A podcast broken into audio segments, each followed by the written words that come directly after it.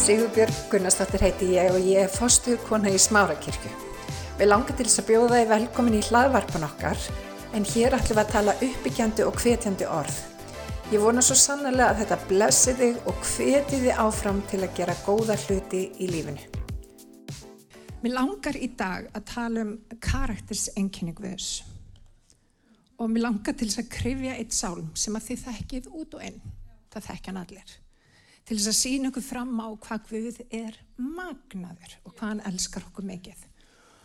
Og mér langar til þess að byrja því bara að lesa þennan sálm og þið getur bara haft þetta upp eftir mér eða bara með mér.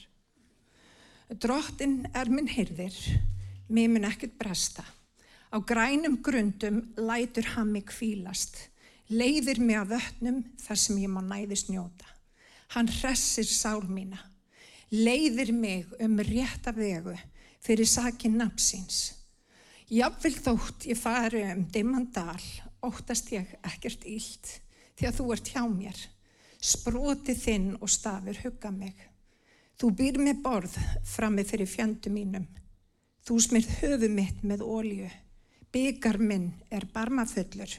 Gæf og náð fylgja mér alla æfidaga mína og í húsi drottins ég langa æfi. Halleluja. Er þetta ekki endislegt? Það er eitthvað við hennar sálm sem að, ég veit ekki, hann bara snertir dýfstu hjartarætur. Það er bara þannig. Og hann er oft sungin í jarðaförum eins og við vitum. En þessi sálmur er ekki bara fyrir þá sem eru að fara hérðan, hann er líka fyrir okkur sem, við, sem eru eftir. Jésu nafni, halleluja. Og sá sem að semur þennan sálm er engin annar en Davíð konungur. Flest af þessum lögum sem við syngjum í kirkjum í dag eru með einhvers konar tilvísun í sálma Davíðs. Hann var nefnilega magnaði maður. Hann var afskaplega sérstakur maður. Og biblían talar um að maðurinn að, að hjartalægið hans, hann var eftir Guðs hjarta. Það veist, Guð elskaði Davíð með alveg sérstökum hætti. Og vinir það er eitthvað vanandi hjartalægið hans Davíðs sem að talar til okkar í dag. Davíð var afskaplega mistækur maður. Hann gerði fullt af glórum. Syndgaði og gerði alls konar hluti sem að voru rángir í augum drottins. En það sem að Davíð hafði var auðmygt gagvar föði. Þegar hann gerði ránt þá tók hann ábyrð. Og hann yðræðist. Og vinir, við Íslendingar, við eigum svolítið erfitt með að taka ábyrð. Hafið þið ekki eftir því? Við erum alltaf bara, já þetta er eiginlega þessum að kenna. Það er alltaf einhverjum öðrum að kenna. En vinir, við vil kenna okkur að taka ábyrð. Og það er svo magnað, hugsið ykkur, Davíð, konungur, og við erum að tala um hann verður konungur um eilífð, kennir rétningin. Út af því að hann hafði eitthvað sem að flestir hafa ekki. Og vinir í gegnum lífið, þá höfum við því meðu tilhengu til þess að herða hjart okkar. Það koma alls konar hlutur upp í lífinu sem gerða verkum að stundum herðist hjart okkar. Við verðum að passa að láta ekki hluti sem eru hérna úti hafa áhrif á hjart okkar. Við þurfum að halda því mjúku því að Guð þráir að nota þetta hjartalag sér til dýrðar. Hann þráir að mikið hjarta eitt þrátt fyrir áföll, þrátt fyrir erfileika, þrátt fyrir hluti sem að koma gegn þér. Til hvers? Til þess að reysa þig við. Til þess að hafa áhrif í kringum þig. Til þess að þinn vitnisspörður verður öð, öðrum til bjargar. Og hann segir drottin er minn hyrðir.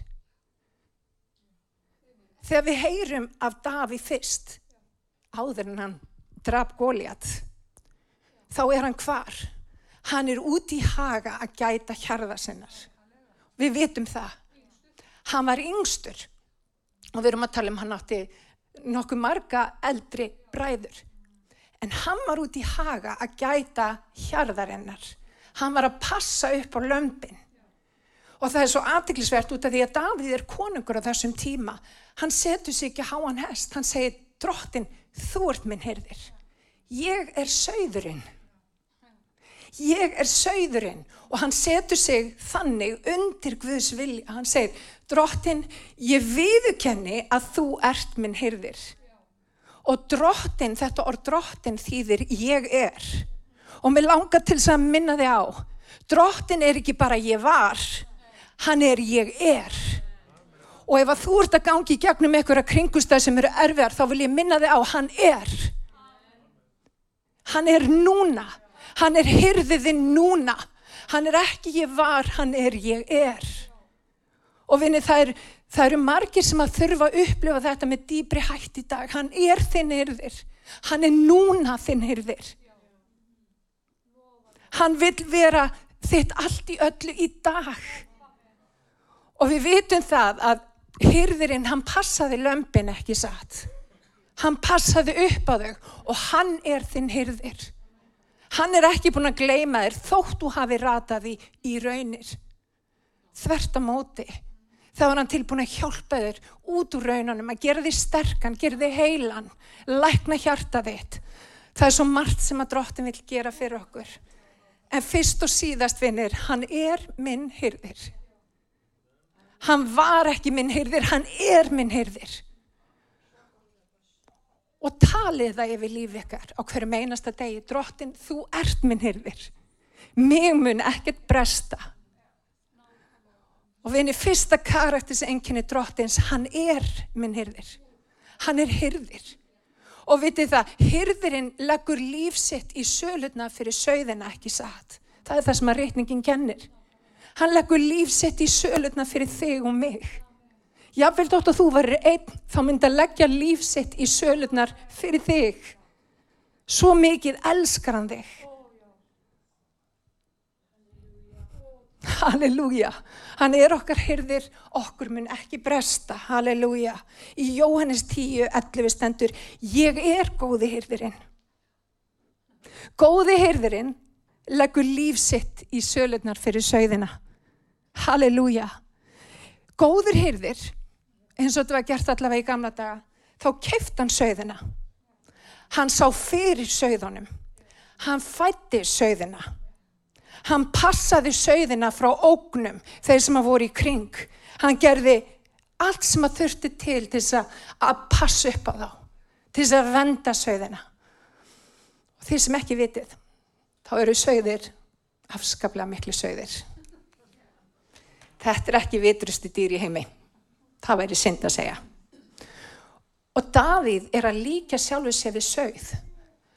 Hann átta sig á að jáfnvel hann, með alla þá visku, alla þá reynslu sem hann bjóð yfir, þá var hann sögður. Hann rataði reglulega í ykkur af vittlesu. Hann kom sér ekkert neginn út í skurð. Og vinir, allir hér inni, allir hér inni sem er heyra mál mitt hafa eitthvað tíma rata út í skurð. Við erum nefnilega svona sögðir. Að ég tala fyrir mig, ég er sögðir. Og veitir það, það er alveg merkilegt hvernig, veitir, þegar maður fer í ykkur kringustæð, hvernig maður getur strax orðið eitthvað nefn vonlaus í kringustæðunum. Jáfnvel þá að maður viti að Guð getur leiðrétt mann. Að Guð, Guð getur, þið veitir, rifið mann upp úr glötun og gröfinni. Þannig að vinir, hann er okkar hyrðir. Okkur mun ekkert bresta. Halleluja. Takk Jésús mig mun ekkert bresta. Annað karaktersenginni hjá drotni. Þér mun ekki vanta neitt. Þér mun ekki bresta. Þér mun ekkert bresta. Halleluja. Hvað þýðir þetta þér mun ekkert bresta? Hann mun sjá fyrir mér. Í Nýja testamentun er þetta staðfest. Í Filipibröfunu 4.19. En Guð mun uppfylla allar eitthvað þarfir og láta Kristi Jésu veit ykkur að dýrlegum auðafum sínum. Hann vil veita þér allar þína þarfir. Ekki bara sömar, heldur allar þína þarfir. Halleluja, hann mun sjá um þarfið mínar. Á grænum grundum lætur hann mig kvílast. Hann lætur mig kvílast. Hann lætur mig kvílast. Hann leiði mig að vötnum þar sem ég má næðis njóta. Það eru fjórar ástæður sem að geta verið fyrir því að, að, rodla kvílist ekki. Já, Hvað haldið að það sé? Ég ætla að tellja það upp. Þegar rollan er hrætt, þá er hún erfitt með kvíld. Og það hefur með það að gera þegar við upplöfum kvíð, óta og óryggi eða áhyggjur. Það getur að vera pöttur, það getur verið eitthvað í umhverfnu sem að, sem að gerða verkum að lambi verður ekki rótt. Það getur verið átök. Það getur líka verið hungur. En það sem að Guð er að segja, þú þart ekki að hafa áhyggjur. Er eitthvað sem að getur kannski þýtt fyrir hann? Það væri alveg rosalega gott. Amen. Takk Jésús. Amen. Á grænum grundur lætur hann mig kvílast. Guð lætur okkur stundu kvílast. Hafið þið tekið eftir því? Ég er hérna svolítið óttapjersi. Það þarf lítið til að ég upplif mig alveg bara hálf óttaslegna. Ástæðan fyrir því eru bara áföll og alls konar hluti sem ég gengi í gegnum þannig að það stutt í það. En það sem að Guðuður stundu gert við mig er að hann hefur látið mig kvílast. Og, og, og stundum er það þannig að Guð hefur bara reynlega gefið mig eitthvað svona pest þannig að ég þurfti að fara í rúmið.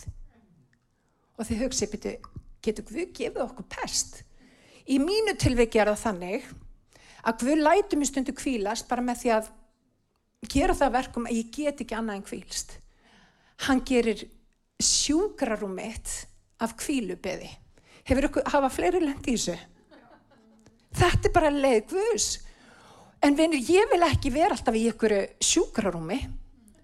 Ég vil læra að geta kvílst og hvernig læri ég að geta kvílst í drotni með því að vita að hann er minn hyrðir. Mig mun ekkert bresta. Halleluja. Og vinir, því meira sem við fókusurum á drottin í kringumstæðum í staðin fyrir að áhugju þessa heims, óta, kvíða, vannmáttar tilfinningu. Þegar ég horfa á Jésu, alveg eins og við erum að gera hér í dag, þegar við liftum upp nafni drottins og við fyrum að lofa Guð saman og við fyrum að, þið veitir, teiga á lindum hans. Það sem að gerist er að fókusin okkar færist af okkar kringumstæðum á drottin. Og vinir, við þurfum ekki, við eigum ekki bara að gera þetta á samkomum á sunnudum. Við erum að gera þetta alla daga. Við þurfum að segja við drottin, drottin þú ert minn hyrðir. Mér mun ekkert bresta í dag. Drottin, ég gæti verið í erfiðum kringustæmi í vinnunum minni, en veistu það, ég ætla ekki að hafa áhugjur. Ég ætla að gefa þér þetta. Mér mun ekkert bresta. Svo segir sálmurinn, hvað segir hann næst? Mér mun ekkert bresta á grænum grundum lætur hann mig kvílast. Leiðir mig af vötnum þar sem ég má næðist njóta. Halleluja. Vatnið er að sjálfsögðu mynd upp á orgvus. Oft þegar ég byrja í einhverju svona veist, að vera hugssjúk um eitthvað, ég fer að hugsa excessively um eitthvað hlut sem er að valda mér, þið veitir, einhverju mannkvæðum eða þið veitir, þegar maður lendir í einhverjum erfileikum, við, við fáum oft svona erfileikana á heilan, við hugsum ekki um annað. Þá er svo gott vinnir og þetta er leikiladriði að fara í bændi drottins og gefa honum það sem er að kvíla hjart okkar. Vera hreinskilinn, ekki búa til eitthvað, þið vitið, eitthvað skonar aðtöfn úr því. Mjög margir sem veginn byggja til drottins fara að verða óeðlilegir. Við fyrum að setja okkur í stellingar og við segjum, elsku drottin, viltu, og svo, og svo kom ykkur í frasar. Það sem að Guð vil, vinnir, er heiðarleiki. Það er einlegni. Hann þarf ekkert eitthvað skrútal, hann veit nákvæmlega hver þú ert. Af hverju gerum við þetta? Við erum bara í hreinskilni frammi fyrir honum. Minnum okkur á og minnum hann á hver hann er í okkar lífi. Takk Jésús. Og í staðin fyrir að setja okkur í okkur að stellingar, prófum algjöran heiðarleika. Vitið að ég hef staðið fram með fyrir Guð og ég hef sagt til hann, veistu að Guð, ég skil ekki þessa kringustar og ég er bara reyð út í þig. Má gera það? Já, ég meni, ég var bara hreinskilinn. Heldur að hann get ekki tekið því? Við eigum að vera hreinskilinn. Við eigum að vera hreinskilin. Ef við erum ekki hreinskilin, ef við komum ekki eins og við erum frammi fyrir hann, þá getur hann ekki komið inn á þá staði í líf okkar og lækna sem hann þarf að gera. Þannig að hreinskilni, vinnir. Já, svo sannarlega má ég heyra með hann. Hreinskilni. En ekki bara það. Við þurfum líka að lesa í orði hans. Við þurfum að lesa okkur til um hvað hann segir um okkur vinnir. Við þurfum að minna okkur á. Og í þessum heimi sem við lifum, þá er alveg ótrúlega margt sem að tekur hug okkar. Það er svo mikið áreiti í gangi. Þess vegna er svo mikilvægt, alveg eins og hún gerður sað okkur hérna síðasta miðugudag, að við tökum frá tíma.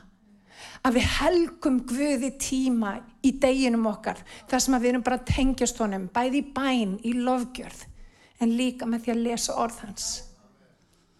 Vinnir, orð hans er kröftugt.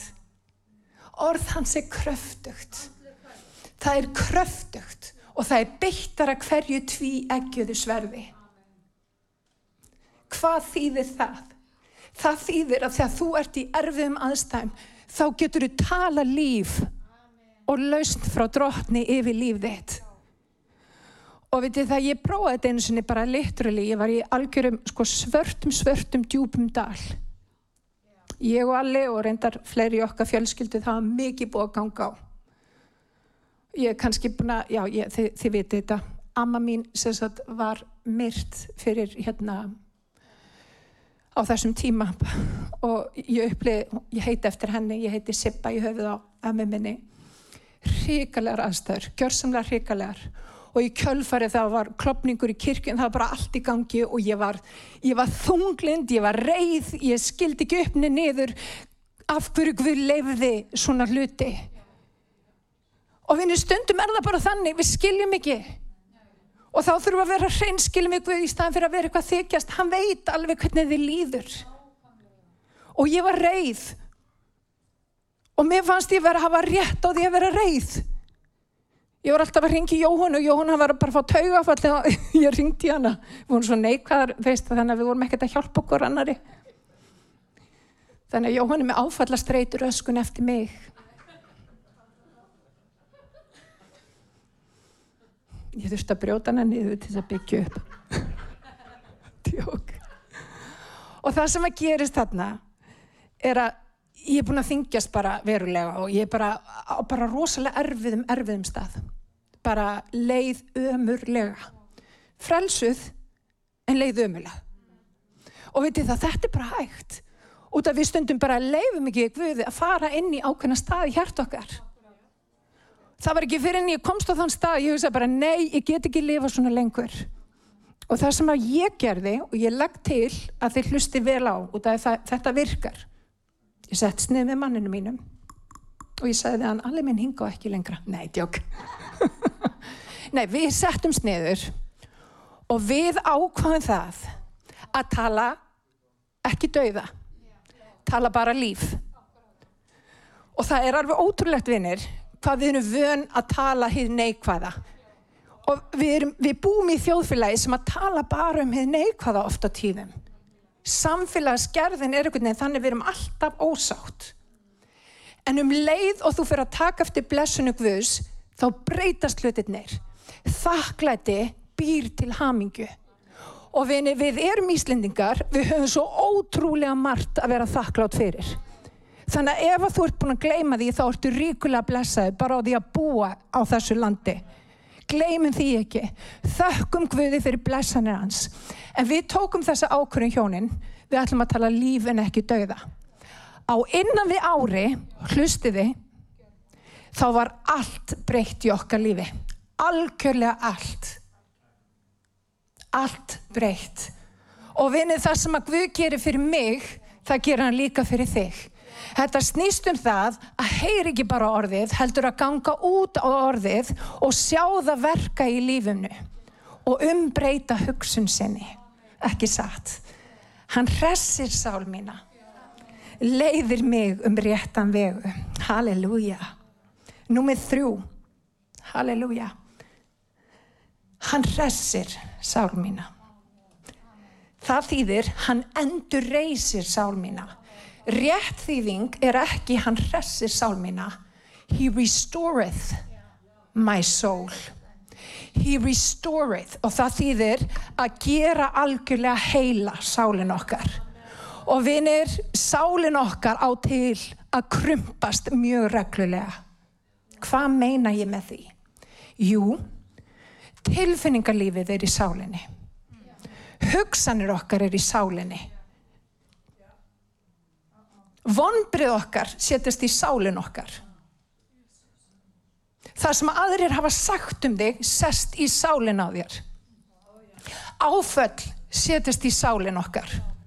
Það sem að Guð er að segja í þessum sálmi, það sem að Davíð er að segja að Guð gerir í þessum sálmi, er hann vil endur leysa þig, hann vil setja saman brotin þín. He restoreth your soul. Og grunnþýðingin á þessu, þessu orði er hann gerir algjörlega heila sálina þína. Munið þegar Jésu kom fram í fyrsta skiptu hann sagði drottin hann hefur smurt mig til að flytja fátækum gleðilegan boðskap gera bandingja frjálsa eitt af því sem að kemur fram í þeim versum er að setja saman brotin hjörtu Jésús sér hafið sér í að setja saman brotin hjörtu hann endur reysir sál mína finnst ykkur þetta ekki magnað Guð vill ekki að við göngum hérna um bara með brotna sálir hinga og þanga. Hann vill gefa þig lækningu. Hann vill endurleisa þig. Og þetta er þriðja karatis enginni Guðs, það er endurreist. Hversu margir hér inni þurfa endurreist frá drottni að halda? Má ég sjá hend og lofti? Við erum öll. Það eru allir sem að þurfa endurreist frá drottni. En vinir, þannig er drottin okkar. Hann þráir að endurreisa. finnst ykkur þetta ekki gott hann hressir sál mína hann endurreysir sál mína hann gerur hann alheila. Finnst ykkur ekki klika amen. Í segja 53 við fórum allir villir vegar sem sögðir heldum hver sína leið en drottin let synd voru alla kom niður á honum. Og fyrir hans benjar þá eru við ég ætla að segja þetta aftur. Fyrir hans benjar eru við nei fyrir hans benjar eru við. Já. Við ætlum að segja þetta herra. Fyrir hans benjar eru við. Við ætlum að segja þetta einu sinni en fyrir hans benjar eru við. Ákvært til andasálar og líkama. Honum er ekki bara umhugað um að, jú, honum er mest umhugað um að frelsa sálið þína, að klárlega, gefa þér eilift líf. En hann vil frelsa þig til anda sálar, líkama. Honum er andum þig. Hann elskar þig, hann lagði lífsitt í sölutna fyrir þig. Finnst ykkur þetta ekki dásamlegt? Halleluja. Þannig að ef við mismarks, þá réttir hann okkur við í gegnum sinn heila anda. Halleluja. Og þá er komið að fjórða karatis enginni Guðs. Það er tilgangur. Hann vil gefa þér og mér dýbri tilgang. Halleluja. Fyrir sakir napsans. Og svo kemur þótt í farum dimmandal. Óttast ég ekkert ílt því að þú ert hjá mér. Réttur teksti er svona mm, mm, mm. Jáfnvel þótt ég fari í gegnum dauðans dimma skuggadal óttast ég ekki dild því að þú ert hjá mér. Hvað þýðir þetta? Þetta er áhugavert að það sé nefnt dauðan skugga dimma dal.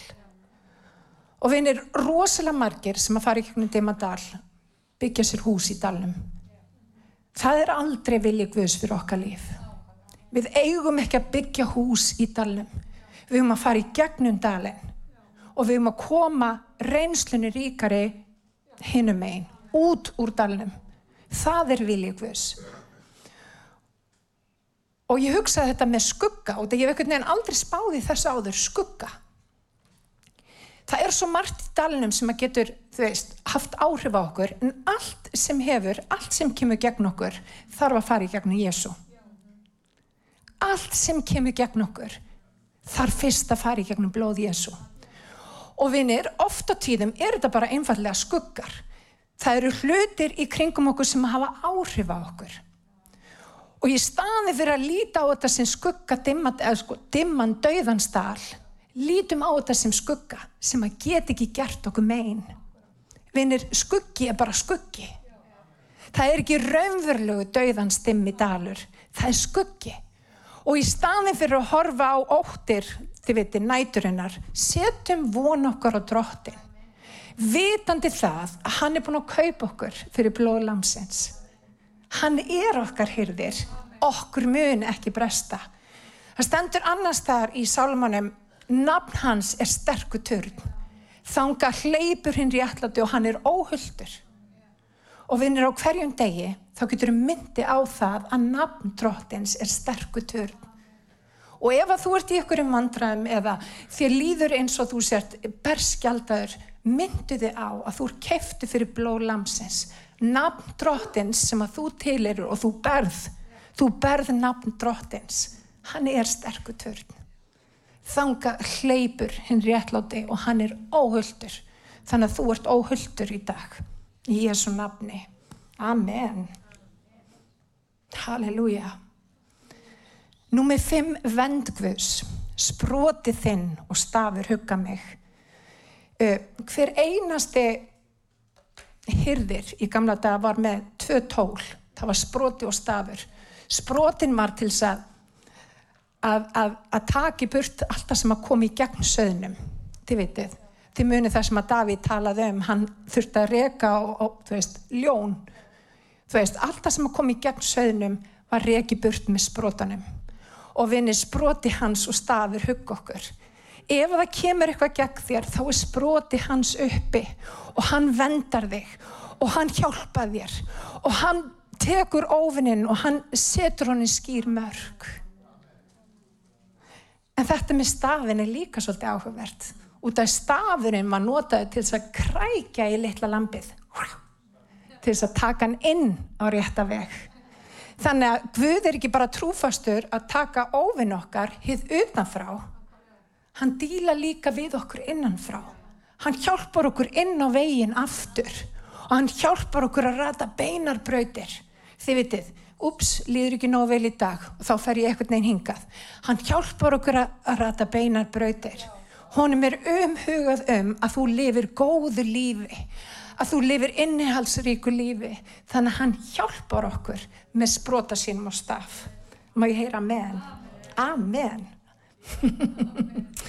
og þá erum við komin að vessi 5 og 6 og þá breytist svolítið tótnin í sálmunum.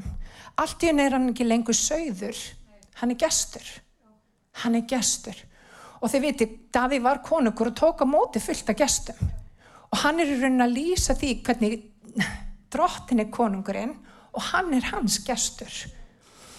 Og það stendur svo hann býr með borð frammi fyrir fjandum mínum.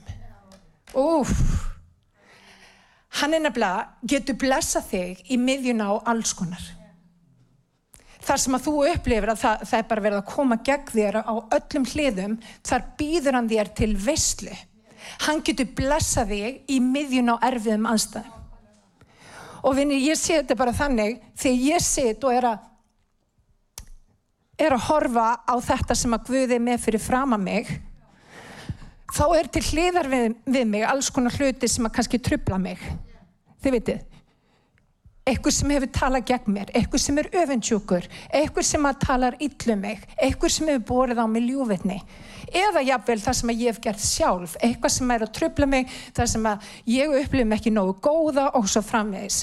Þetta eru fjandur mínir. En vinnir, vistu hver stendur beint gegn mér, setur beint gegn mér, það er drotting Guð. Og í staði fyrir að horfa fjandur mínar, þá horfi ég á Jésu. Ég horfi ekki á fjendu mína því ég veit að hann getur blessa mig mitt í miðjunni á þessum kringumstæðum. Og vinnir, hann gerir það svo oft. Ég hef algjörlega lendið því meiri svo ofinbeglega að fólk hefur borðið á mig í ljúvitni. Og það merkilega við er að Guð hefur verið að blessa mig á sama tíma. Og minn, mín skildavinir, og ég hveti ykkur til þess að íhuga þetta sjálf fyrir ykkur, ekki horfa á þann sem er að pöngast í ykkur eða, eða stíga á ykkur, horfið á Jésu. Ekki gefa fólki valdi yfir tilfinningarlífi okkar. Ekki gera það. Þá engin að hafa valdi við lífi okkar annar en drottin. Þannig í staðin fyrir að horfa óvinn okkar sem eru til hægri eða vinstri, þá horfi ég á drottin. Hann býr með borð frammi fyrir fjöndu mínum. Svo segir hann, hann smyr höfu mitt með ólju. Ég pretika um þetta áður. Óljan er alltaf tákn upp á smörningu. Og við veitum hvað orguð segir, smörningin brítur okið.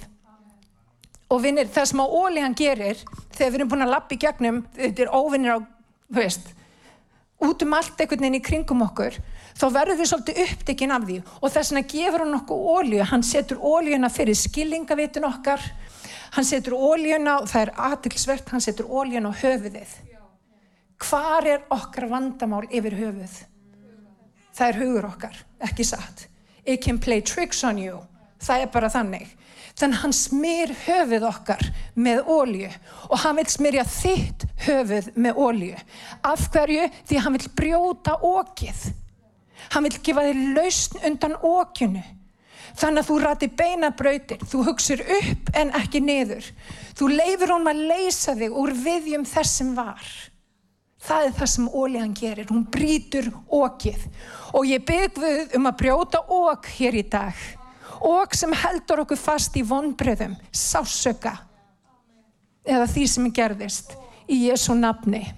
Ég er alveg að vera búinn. Ég vona þessi að læra eitthvað hér í dag. Halleluja. Hann býr með borð frammi fyrir fjöndum mínum. Hann kemur með yfirflæði. Hann getur blessaði í miðjun á storminum. Og þegar þú ert í storminum og Guð er að blessa þig, hættu að taka eftir öðrum hlutum, horða á Jésu. Myndu þig á að þú ert hans og hann er þinn í Jésu nafni. Byggar minn er barmafullur, segir hann síðan. Réttu texti er byggar minn flæðir yfir. Og það er annað karættis enginni Guðs. Það er gnægð. Það er miklu meiri nóg. Vinir, að má alltaf tala um þetta í kirkju en hann vil blessa þig. Hann vil blessa þig á öllum sviðum.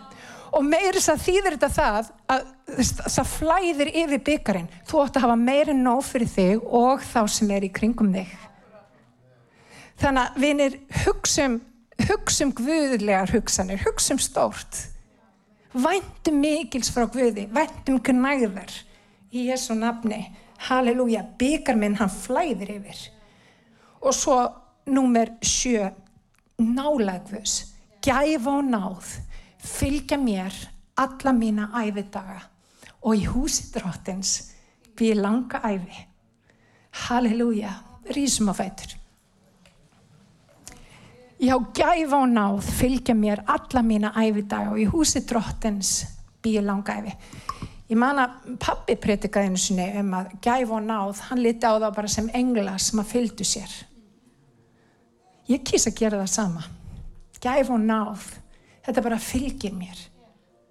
Og finnir, það er fylgt af fólk hérna í dag sem er búin að rati í miskunar raunir. En ég vil minna þið á að gæf og náð fylgja þér alla þína æfidaga. Hann elskar þig. Hann er þinn hyrðir. Hann endur reysir þig. Hann gefur lækning og von.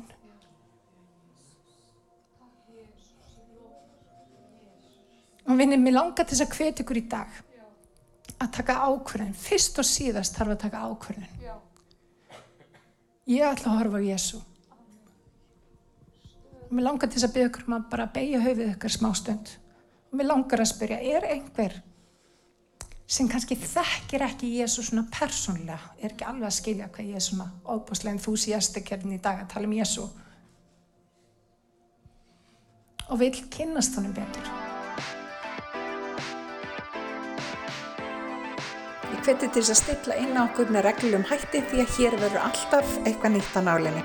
Takk fyrir að hlusta.